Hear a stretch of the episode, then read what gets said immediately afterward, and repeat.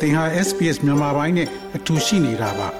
sbs.com.au/burmese မှာပုံမထူးခဲ့တဲ့သတင်းစာမားတွေကိုရှားဖွေပါ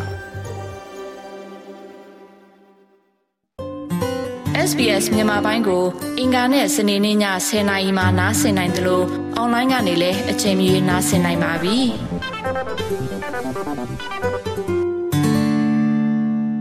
မင်္ဂလာပါခင်ဗျာ။ သင်ဟာ ကလေးတစ်ဖက်နဲ့ကျောင်းတက်နေသူ ဒါမှမဟုတ် အလုပ်လုပ်နေသူဆိုရင် ကလေးဆောင်ရှောက်မှုစရိတ်တက်တာခွင့် ရရှိနိုင်ပါတယ်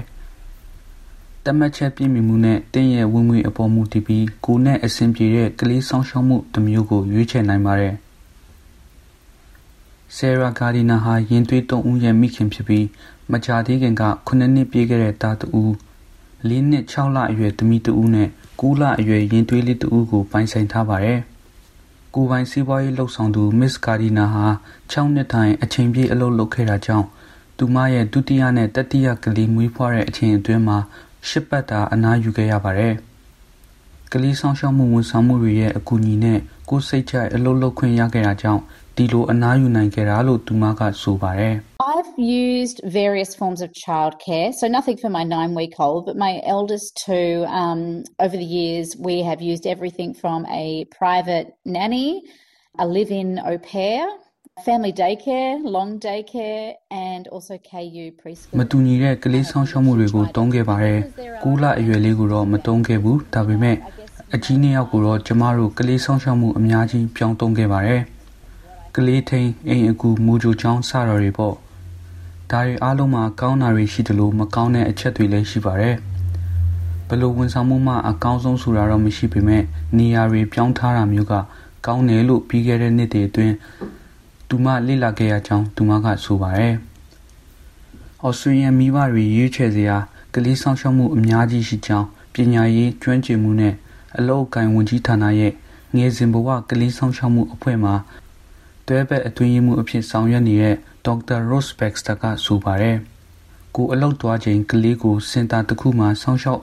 စေခြင်းမျိုးလည်းပြုလုပ်နိုင်ပါတယ်။ These are daycare services that are approved by regulators to provide really quality early childhood education and care. They're sometimes called long day care because they're often open from quite early အဆိုပါစင်တာတွေကိုကောင်းမွန်တဲ့ကလေးဆောင်ရှောက်မှုပေးနိုင်အောင်တက်ဆိုင်ရာအဖွဲ့အစည်းတွေကခွင့်ပြုထားတာဖြစ်ပြီးတော့ လူတိုင်းအတွက်အဆင်ပြေအောင်မနက်စောစောကနေညနေပိုင်းအထိဖွင့်လှစ်ထားလေးရှိတယ်လို့သူမကဆိုပါတယ်။နောက်ရွေးချယ်စရာတစ်ခုကတော့မိသားစုစောင့်ရှောက်မှုဖြစ်ပါတယ်။ We also have family daycare and that's a type of childcare that's usually provided in the home of an educator. So that means you take your children along to someone's home. That's usually um, most educators are women, but not all of them. You take them along to the home of an မိသားစုစောင့်ရှောက်မှုဆိုတာမျိုးကစောင့်ရှောက်ပညာသင်ပေးသူရဲ့အိမ်မှာစောင့်ရှောက်ပေးတဲ့ဝန်ဆောင်မှုမျိုးဖြစ်ပါတယ်။ဆိုလိုတာကတင့်ကလေးကိုတစုံတဦးရဲ့အိမ်မှာ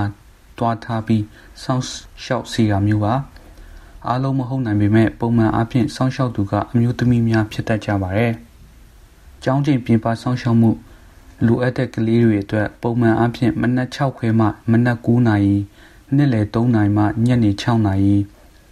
ကျောင်းပိတ်ရက်တွေမှာစောင့်ရှောက်ပေးတဲ့ကျောင်းချင်းပြင်ပစောင့်ရှောက်မှုတွေလည်းရှိပါတယ်။အထက်ပါဝန်ဆောင်မှုတွေမရှိတဲ့ဒေတာမျိုးမှာဆိုရင်ကလေးရဲ့မိသားစုအိမ်ကိုလာရောက်စောင့်ရှောက်ပေးတဲ့အိမ်တွင်းစောင့်ရှောက်မှုလည်းရှိပါတယ်။ဒီလိုဝန်ဆောင်မှုတွေဟာဝေးလံတဲ့နေရာတွေမှာရှိတတ်ပြီးအလောက်ချင်းပုံမှန်မရှိတဲ့ဒါမှမဟုတ်စောင့်ရှောက်မှုလိုအပ်ချက်ထွေထွေထူးထူးရှိတဲ့မိဘတွေအတွက်တင့်တော်ပါတယ်။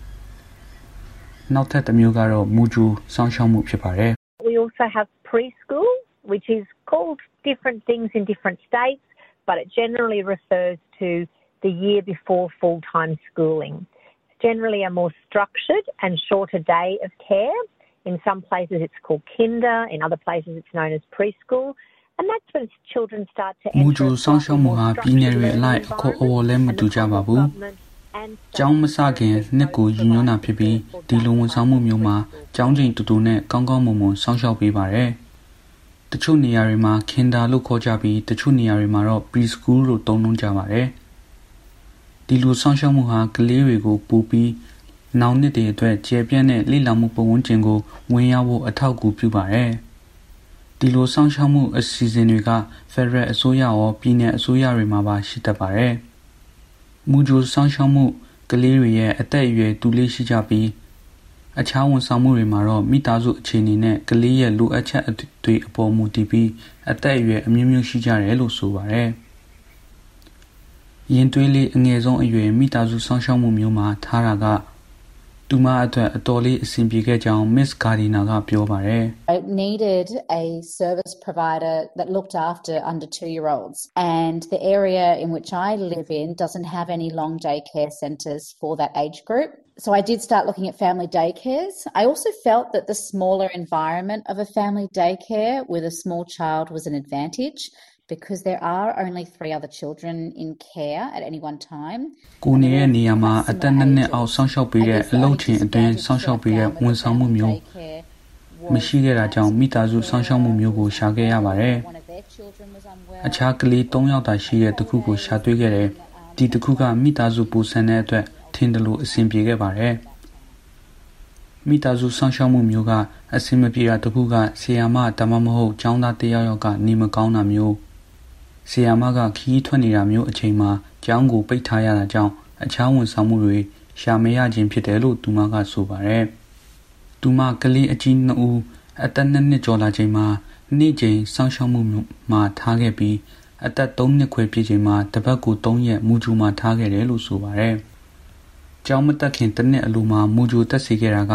ကျောင်းပထမနှစ်အတွင်းအစင်းသင့်ဖြစ်စေဖို့အတော်လေးအထောက်အကူဖြစ်ခဲ့ကြောင်း Miss Garnia ကပြောပါတယ်။ with the long day care, they support the children from when they were two to develop their social relationships and confidence with other children. But as the kids reached an age close to entering school, I think they felt a little bit out of a place amongst the younger age group, which was there. Whereas in at KU, the kids are older and KU focuses much more on ကျောင်းမတက်ခင်ဆောင်းရှောက်မှုကကလေးကိုပေါင်းတင်ဆက်ဆံရေးကောင်းမွန်မှုနဲ့အခြားကလေးတွေနဲ့ဆက်ဆံဖို့ယုံကြည်မှုမျိုးတိုးလာစေပါတယ်။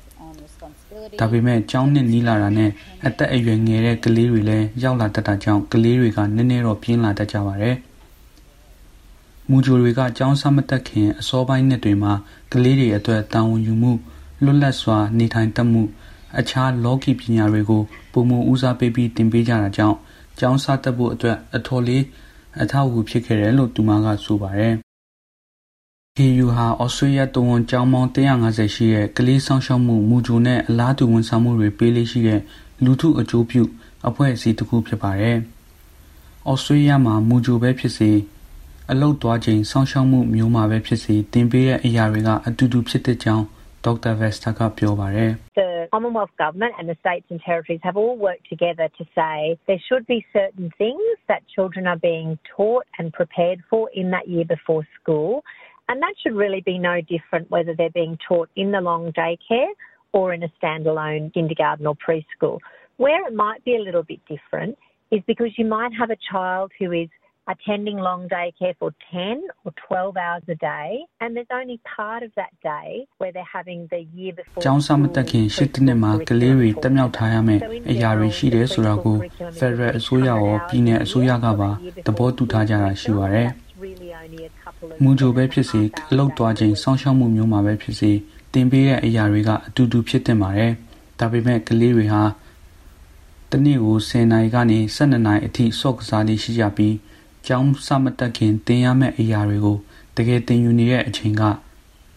အဲ့ဒီထဲကခဏတာဖြစ်နိုင်ပါတယ်။ပုံမှန်အဖြစ်ပြောရရင်မူဂျိုကျောင်းစာဟာတစ်နှစ်ကိုနိုင်ပေါင်း600တာရှိပြီးအဲ့ဒီထဲကတပတ်ကို 9နာရီ30မိနစ်စာတင်ရက်အနည်းငယ်တာဖြစ်တယ်လို့ဆိုပါတယ်။ကလေးဆောင်ရှောက်မှုစင်တာနဲ့ရှင်ရင်မူဂျိုကဈေးတက်တာကြောင်း Miss Gardina ကအခုလိုပြောပါတယ်။ကလေးဆောင်ရှောက်မှုစင်တာတွေဈေးကြီးရခြင်းအကြောင်းများစွာရှိကြောင်း Dr. Vesta ကလည်းပြောပါတယ်။ Sometimes why preschool can be a bit cheaper than long day care is that the state governments and the Commonwealth government subsidise that year before school because it's so important to children's schooling. And also because in a centre based daycare, children might be spending the whole day there. You're really paying for 12 hours. မူဂျိုရီဈေးတက်တာရခြင်းအကြောင်းရင်းကပုံမှန်အဖြစ် Federal အစိုးရပြည်နယ်အစိုးရကဈေးလျှော့ပေးတက်တာကြောင့်ဖြစ်ပါတယ်။ကလေးအတွက်အမှန်တကယ်အရေးကြီးတဲ့အစိတ်ပိုင်းဖြစ်တာကြောင့်ပါ။ကလေးဆောင်ရှောက်မှုစင်တာတွေဈေးကြီးရခြင်းနောက်တစ်ချက်ကကလေးတွေဟာအဲ့ဒီမှာတနေ့ကို12နိုင်အထိနေကြရလို့ပါပဲ ဒီလိုအချိန်အကြာကြီးထားခဲ့ရတာကမူဂျိုအတွက်ကုန်ကျစရိတ်တာမကပဲတင့်ကလေးတွေကိုစောင့်ရှောက်ပေးထားရတဲ့10နာရီဒါမှမဟုတ်12နာရီအတွက်ဇရိတ်လည်းရှိလာပါတယ်တချို့စင်တာတွေမှာဆိုအစားအသောက်နဲ့တခြားအသုံးစရိတ်တွေကိုပါတင်းဘက်ကပေးရပါတယ်ကလေးဆောင်ရှောက်မှုစင်တာကျောင်းကျင်ပြင်ပဆောင်ရှောက်မှုမိသားစုဆောင်ရှောက်မှုအိမ်တွင်းဆောင်ရှောက်မှုမူဂျိုစတာတွေအားလုံး Federal အစိုးရစီကဝင်ငွေအထောက်ပံ့များရကြတယ်လို့ Dr. Vesta ကပြောပါတယ် With preschool, with the year before school, we, the Commonwealth Government, provide funding to the states that gets passed on to preschoolers in that state. For centre based care and family daycare and outside school hours care, we provide a subsidy. So the service itself might charge, let's say, $10 an hour, might be the average hourly fee for a centre based daycare, might be around $10. ကျောင်းစာမတက်ခင်ရှစ်တနှစ်မူဂျိုနဲ့အတွက် Federal အစိုးရကပြည်내အစိုးရတွေကနေတဆင့်အထောက်ပံ့ငွေပေးပါတယ်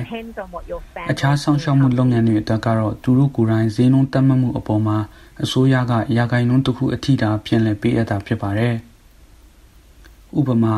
မူဂျိုမဟုတ်တဲ့ဆောင်ရှောက်မှုစင်တာတွေကတနာရီကို10ဒေါ်လာနှုန်းကောက်ခံနေဆိုရင်အဲ့ဒီတနာရီစာတတ်မှတ်ချက်အပေါ်မှာ အစိုးရကတင်းရဲ့မိသားစုဝင်ငွေအပေါ်မူတည်ပြီးရာဂိုင်နှုန်းတစ်ခုပေးရတာဖြစ်ပါတယ်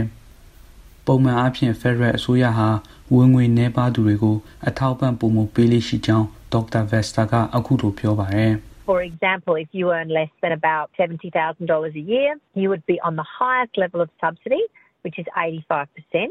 Which means if your centre based daycare service is charging you $10, we would pay for 85% of that, which is $8.50 an hour. And you would have to pay the other $1.50. အကယ်လို့သင်ဟာတစ်နှစ်ကိုဒေါ်လာ9000အောက်ဝင်ငွေရှိရဲဆိုရင်85ရာခိုင်နှုန်းအထိထောက်ပံ့မှုရနိုင်ပြီးဒါဟာအများဆုံးဖြစ်ပါတယ်။ဆိုလိုတာကတင်းရဲ့မူဂျိုမဟုတ်တဲ့ကလေးဆောင်ရှောက်မှုစင်တာဟာတင်းကိုတနာရီဒေါ်လာ30ကောက်ခံနေရဲဆိုရင် Federal အစိုးရဟာအဲ့ဒါရဲ့85ရာခိုင်နှုန်းတနာရီ8ဒေါ်လာနဲ့ပြား90ကိုတင်အတွက်ပေးရမှာဖြစ်ပြီးတင်ဟာကျန်တဲ့ဒေါ်လာနဲ့ပြား90ကိုဒါပေးရရုံပါပဲအကယ်လို့တင်ဟာဝင်ငွေအများဆုံးရနေသူဆိုရင်တော့အစိုးရက30ရာခိုင်နှုန်းသာထောက်ပံ့ပေးမှာဖြစ်တာကြောင့်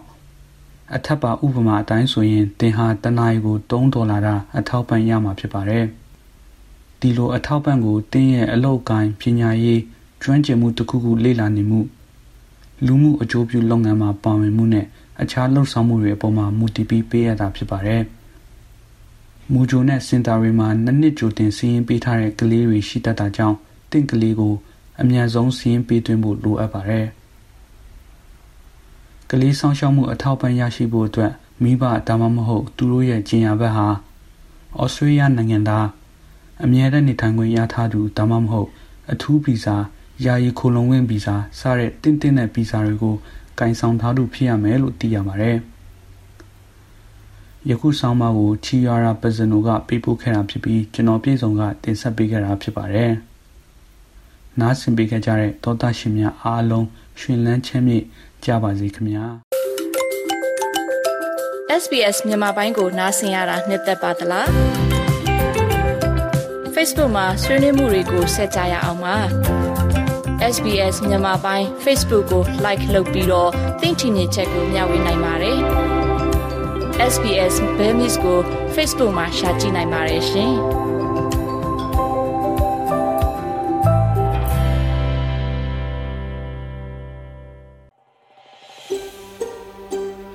ဒါမျိုးသတင်းဆောင်မတွေကိုပိုနားဆင်လိုပါလား Apple Podcast Google Podcast Spotify တို့မှာသင်ပင်ရာဖြစ်ဖြစ်ရယူတဲ့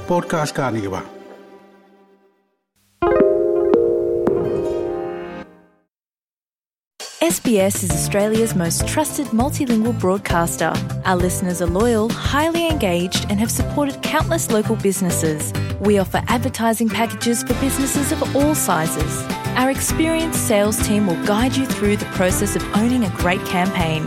Bring your own ad or have our production team make you something in one of our 68 languages. Start the conversation with your new audience today. Email sales at sbs.com.au.